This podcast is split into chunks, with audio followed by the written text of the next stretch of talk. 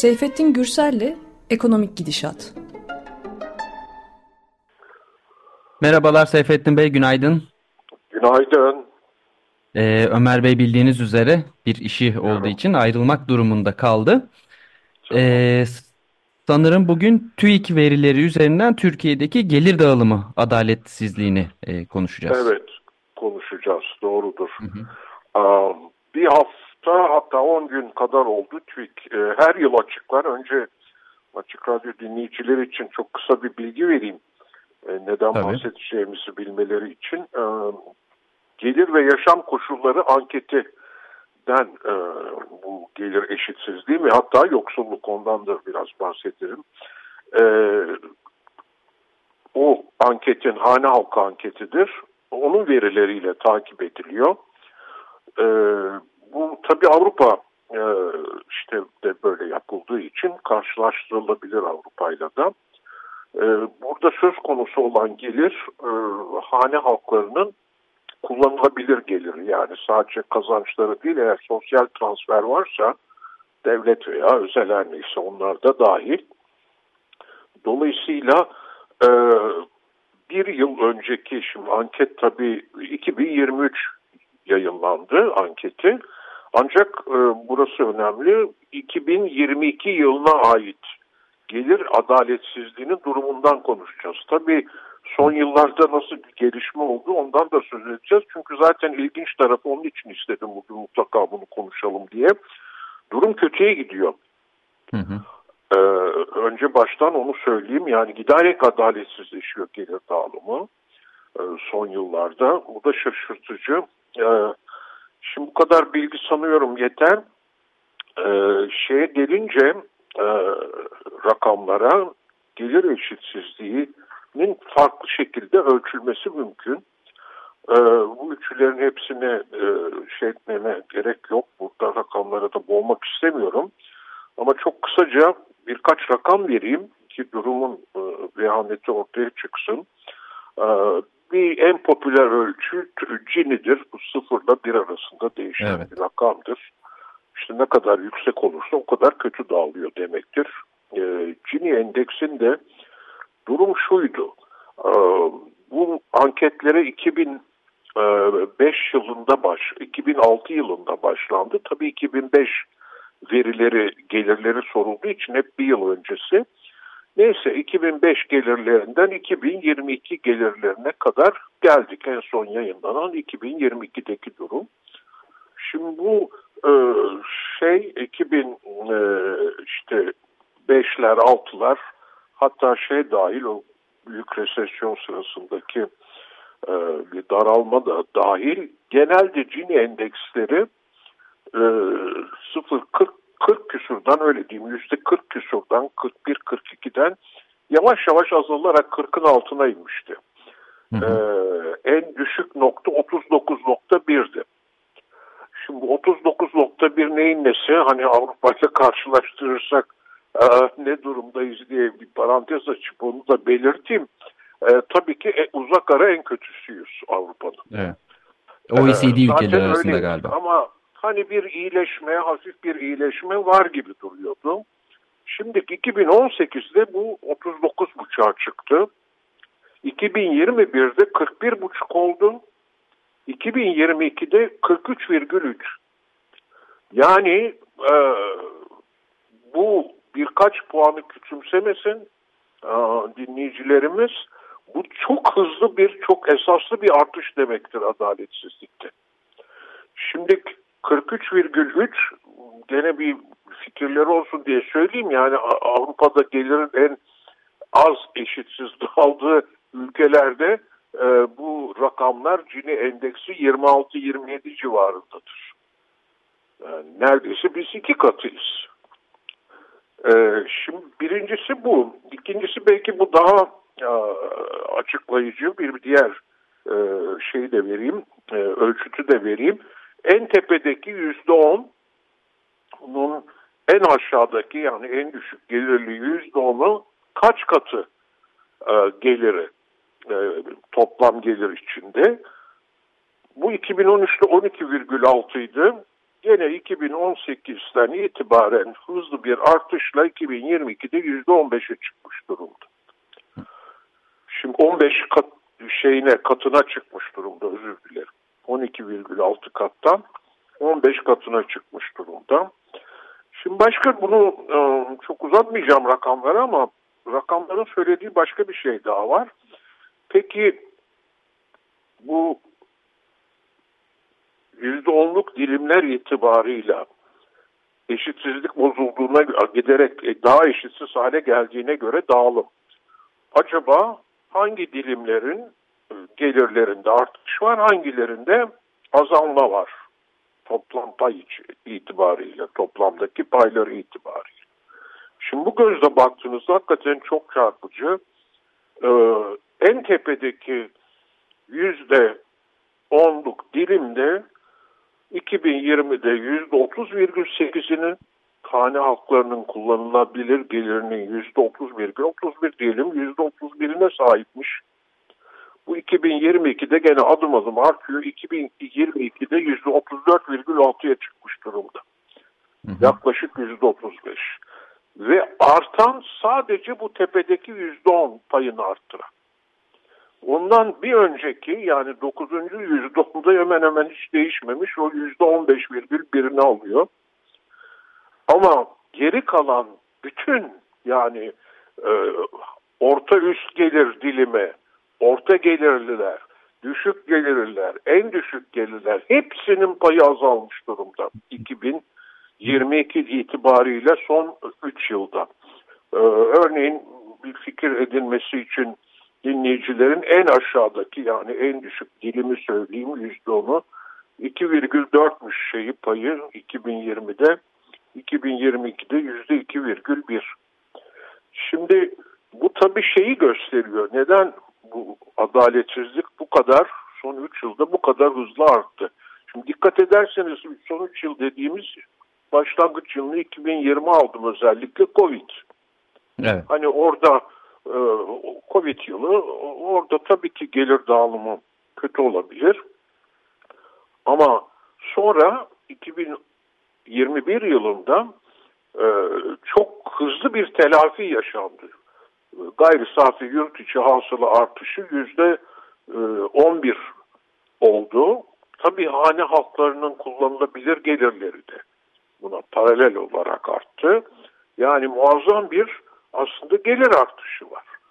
2022'ye geliyorsunuz orada da %6'ya yakın büyüme. E şimdi üst üste koyun bunları neredeyse %18-19 iki yılda toplam pasta büyümüş öyle diyelim.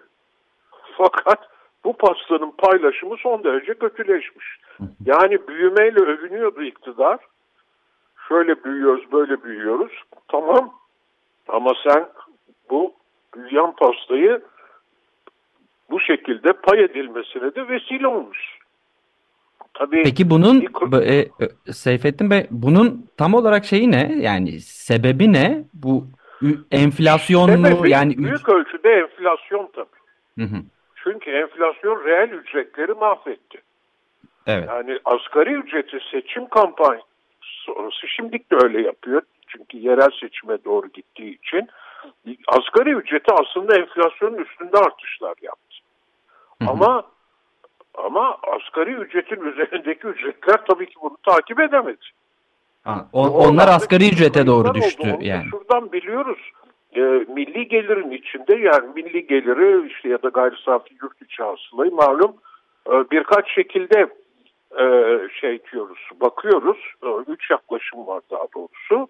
E, bunlardan bir tanesi gelirler itibarıyladır. Yani ücretlerin payı ne oldu? Ücretlerin dışında kalan e, işte ona müteşebbis geliri deniyor. Her türlü bir çeşit torba. Karlar da tabii onun içinde.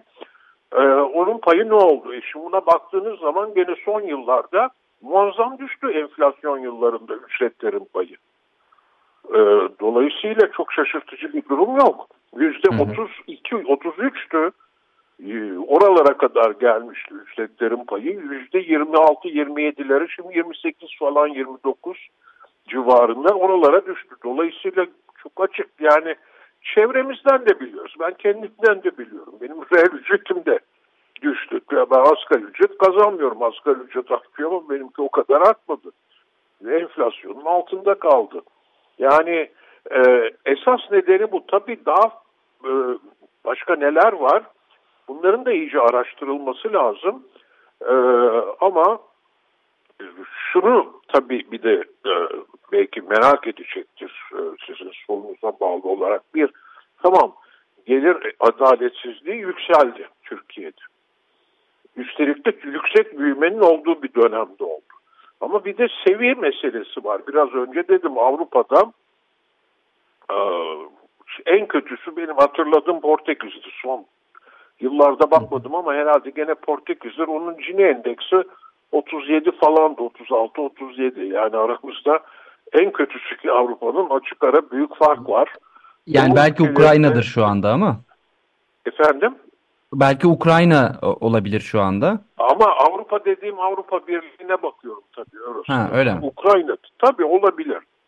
Olabilir ama e, sonuçta işte, kuzey ülkeleri var düşükler arasında. Fransa var, Almanya nispeten düşük falan.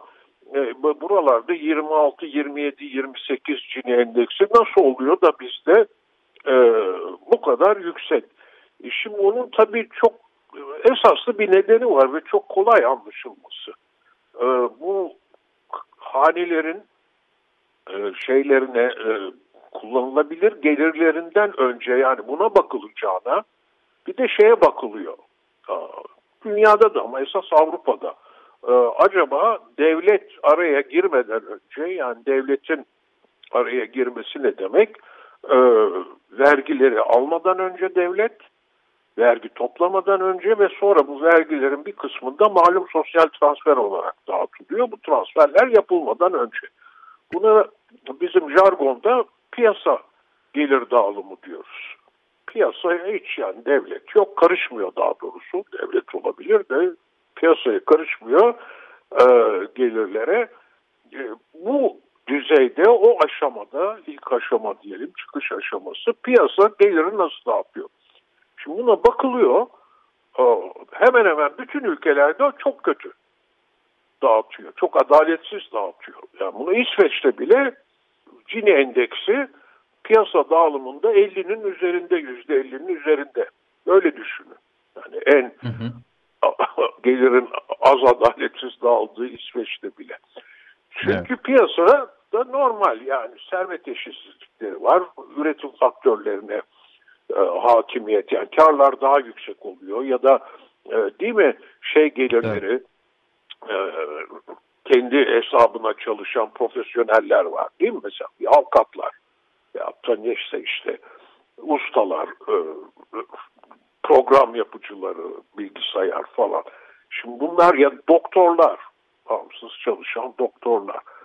E, şimdi bunların tabii bir sonraki aşamada yani bizim burada hesaplarını e, yaptığımız istatistiklerini biraz önce paylaştığım aşamaya geliyorsunuz. Devlet bir bir kere vergi topluyor. Özellikle gelir vergisi çok önemli burada. Gelir vergisini nasıl oluyor da İsveç'te Cini endeksli %50 küsurlardan 25-26'ya düşüyor? E çünkü bir devlet devreye giriyor, kuş uçurtmuyor, doğru dürüst vergi topluyor. Gelir vergisi topluyor. Ardından bütçeden, o vergilerin e, oluşturduğu e, devletin bütçesinden ciddi sosyal transferler var. Hemen hemen bütün ülkelerde öyle. Onun için hane haklarının kullanılabilir geliriyle gelir adaletsizliğini ölçtüğün zaman çok daha düşmüş olduğunu görüyorsun. Piyasanın adaletsizliğine karşılık. E şimdi biz bunu beceremiyoruz işte. Çok hı hı. açık. Bizimki de e, tahminler daha doğrusu bizde de kayıtsızlık olduğu için hat safhada çok iyi ölçemiyoruz piyasa eşitsizliğini ama OECD bir zamanlar bunu tahminen yapmıştı. Yani dolaylı bir metodolojiyle. Bizde de vallahi 52-53 çıkıyor piyasa adaletsizliği Cini endeksi. Ama ondan sonra devlet araya giriyor. hane halklarının kullanılabilir geliriyle ölçtüğün zaman gelir dağılımını işte Gini endeksi biraz önce söyledim en iyi 39'lara düşmüştü. E, şimdi tekrar 43'lerde. Yani çok az azaltabiliyoruz piyasa adaletsizliğini. Neden? Çünkü doğru düz vergi toplamıyorsun. İki sosyal transferlerin çok yetersiz. Bu kadar basit. E, bu bahsettiğiniz gelir dağılımı adaletsizliğinde şimdi bir yandan ücretlerin, ortalama ücretlerinin gerilemekte olduğundan söz ettik ama bir yandan da e, hani dediğiniz gibi pasta büyüyor. E, bir yandan evet. sanayinin karlılık itirazları da var. Aslında o kadar karlı değil de diyor ama yani böyle mi yoksa mesela bu pastanın hani nereden büyüyor? Kar, karlılık mı artıyor? Ee, ya yoksa nasıl? Şey, şeyler sanayicilerin tabii karları artanlar konuşmazlar. Hı hı. Şimdi sanayide, tabii ki sanayide de karlar arttı. Bankacı finans kesiminde müthiş arttı. Ee, bu malum ama şimdi sanayi binlerce binlerce değil mi küçük evet. büyüklü sanayici var ee, veya hizmet sektörü özel kesim diyelim sadece sanayi de değil. E bunların tabii ki karları yeterince artmayan, enflasyona ayak uyduramayanlar onlar çıkar demeç verir ağlarlar. Ee, karları arttıranlar susarlar. Onun için istatistiklere bakmak lazım tabii. İstatistikler evet. öyle demiyor. Çünkü biliyoruz Milli TÜİK'in işte yaptığı ölçüm. Diyor ki gayri safi yurt içi hasıla işte katma değerler itibariyle baktığım zaman bunu üretim yönüyle diyoruz. Yüzde on bir arttı 2021'de. 2022'de de 5.8 miydi? Neyse 6 hatta galiba. O kadar arttı diyor. Sonra diyor ki işte bu kamu şey e, harcamalar yönüyle baktığımız zaman tüketim bu kadar harcaması artmış. İşte yatırım harcaması bu kadar. Devlet bu kadar harcamış vesaire. Ve sonra bir de üçüncü aşama biraz önce söyledim tekrar oluyor ama gelirler itibariyle bakalım diyor. Bir ücretlere bakıyor. Yövmiye, ücret, memur maaşı. Onların payı bu kadar diyor bunun içinde. Bir de kalan var diyor. Ona da tek tek ayrıntısına giremiyor. Müteşebbis hı hı. geliri diyor. Onun da payı bu kadar diyor. Şimdi 100, 100 birimlik gayri safi yurt içi hasılasında 32-33 iken ücretlerin payı 25, 26, 27'ye düşerse ne, ne olmuş demektir? E, tabii ki ücretlerin payında ciddi bir azalma olmuş demektir. Hı hı. Ücretlerin payında azalma olduysa e, gelir eşit adaletsizliğinin de hele sosyal transferler çok zayıfsa değil mi? Evet. E, o zaman e, tabii ki adaletsizlik de artmıştır demektir. Nitekim öyle olmuş. Yani burada evet. şaşırtıcı bir şey yok. E, bu belki fa e, fark etmişsinizdir. TÜİK dün bir veri listesi daha yayınladı. E, hem Türkiye nüfusu hem de büyük kentlerin e, nüfusu. E, burada dikkati çeken bir özellikte İstanbul'un nüfusunda bir azalış var. Yani evet, buna şey şey diye bilirsiniz. Hani deprem faktörü. Yani geçtiğimiz yıl işte yok, Türkiye'nin yok, yok. Çok evet, ben de bu mevzuya gel bunu, getirecektim. Bunu pardon bitirsen lütfen. Ha, tabii. Doğru e, bir yani temas ediyorsun. E, bu mesele de herhalde aslında gelir dağılımı yani ücretlerin düşüşüyle ilgili. İlk olarak akla çünkü deprem geliyor. Yani 6 Şubat depreminden sonra sanki İstanbul'dan insanlar endişeyle çıkmış gibi ama tam tersi ve hatta düşünmek gerekir. Birçok bölgeden İstanbul'a depremzedeler göç etti aslında buraya ailelerine vesaireye de geldi. E, bu 250 bin kişi az da değil.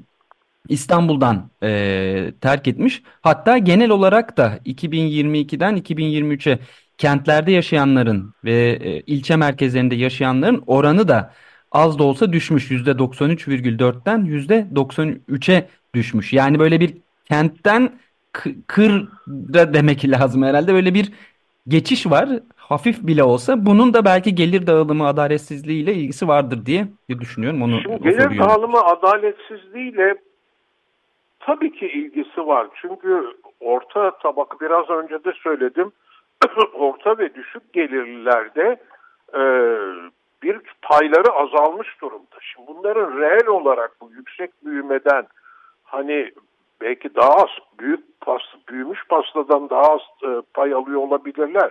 Tamam bu böyle ama e, paylarında da bir artış olmuş olabilir e, şeylerinde, miktarlarında.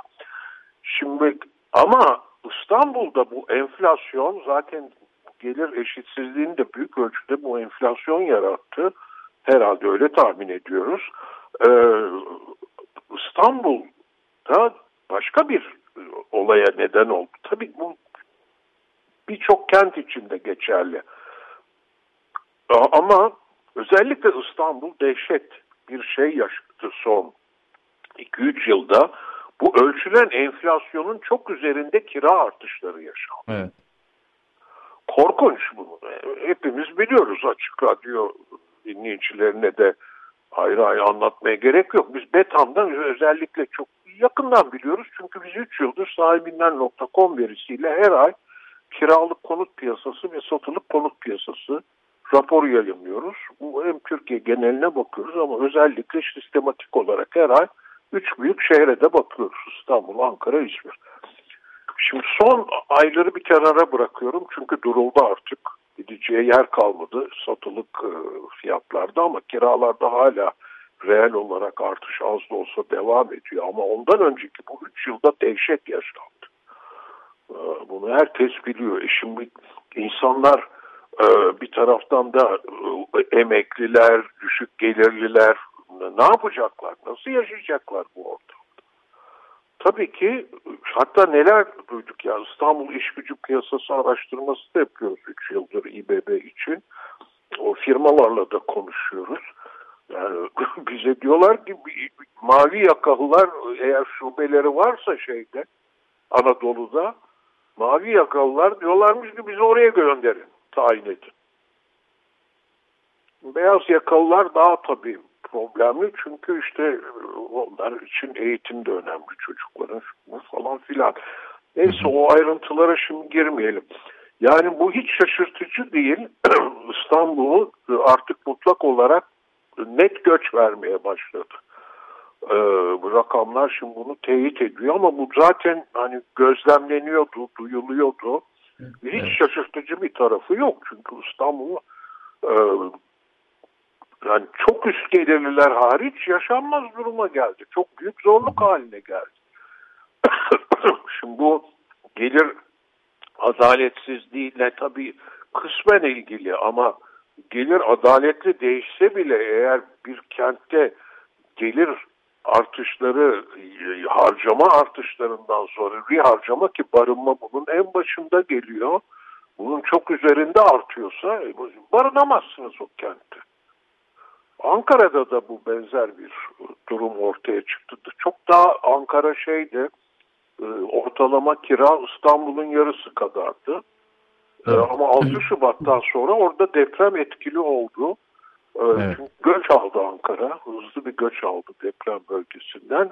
Ve kiralar çok hızlı artmaya başladı. İstanbul'un İzmir'in çok üzerinde. Şimdi hala İstanbul'a kadar değil tabii ortalama ama yani neredeyse yaklaştı. İşin bu kentlerden dışarıya göç vermesi doğal tabii. Evet. Peki e, Seyfettin Bey başka zamanımız e, varsa İki, iki dakikamız daha, daha var. Edeyim. İsterseniz bölgelerden söz etmedim. Tabii bu da Tabii. bilinen bir şey. Ee, ortalama kişi başına gelir bölgeler itibariyle baktığınız zaman 26 bölge orada da çok yapısal bir durum var. Düzelme de olmuyor. Ee, çok ciddi farklar var. 2022'de ee, şöyle söyleyeyim tabii en yüksek ortalama gelir İstanbul'da 114.634 lira. En düşüğü Muş, Van, Bitlis, Hakkari bölgesinde 39.173 lira. Yani tam 3 katı İstanbul. En düşükle en yüksek ortalama gelir bölgeler itibarıyla 3 kat fark var. Ha İstanbul'da ortalama gelir ama ne kadar yüksek tabii diyebilirsiniz ama İstanbul'da da kiralar Hakkari Muşva'nın 5 katı 6 katıysa ortalamada evet. tabii başka bir dünyada yaşıyorsunuz demektir. Peki herhalde süremizin sonuna geldik ee, Seyfettin Bey. Tamam. Ee, çok teşekkür ederiz. Diliyorum. Çok teşekkürler. Görüşmek üzere haftaya. E, iki hafta sonra pardon.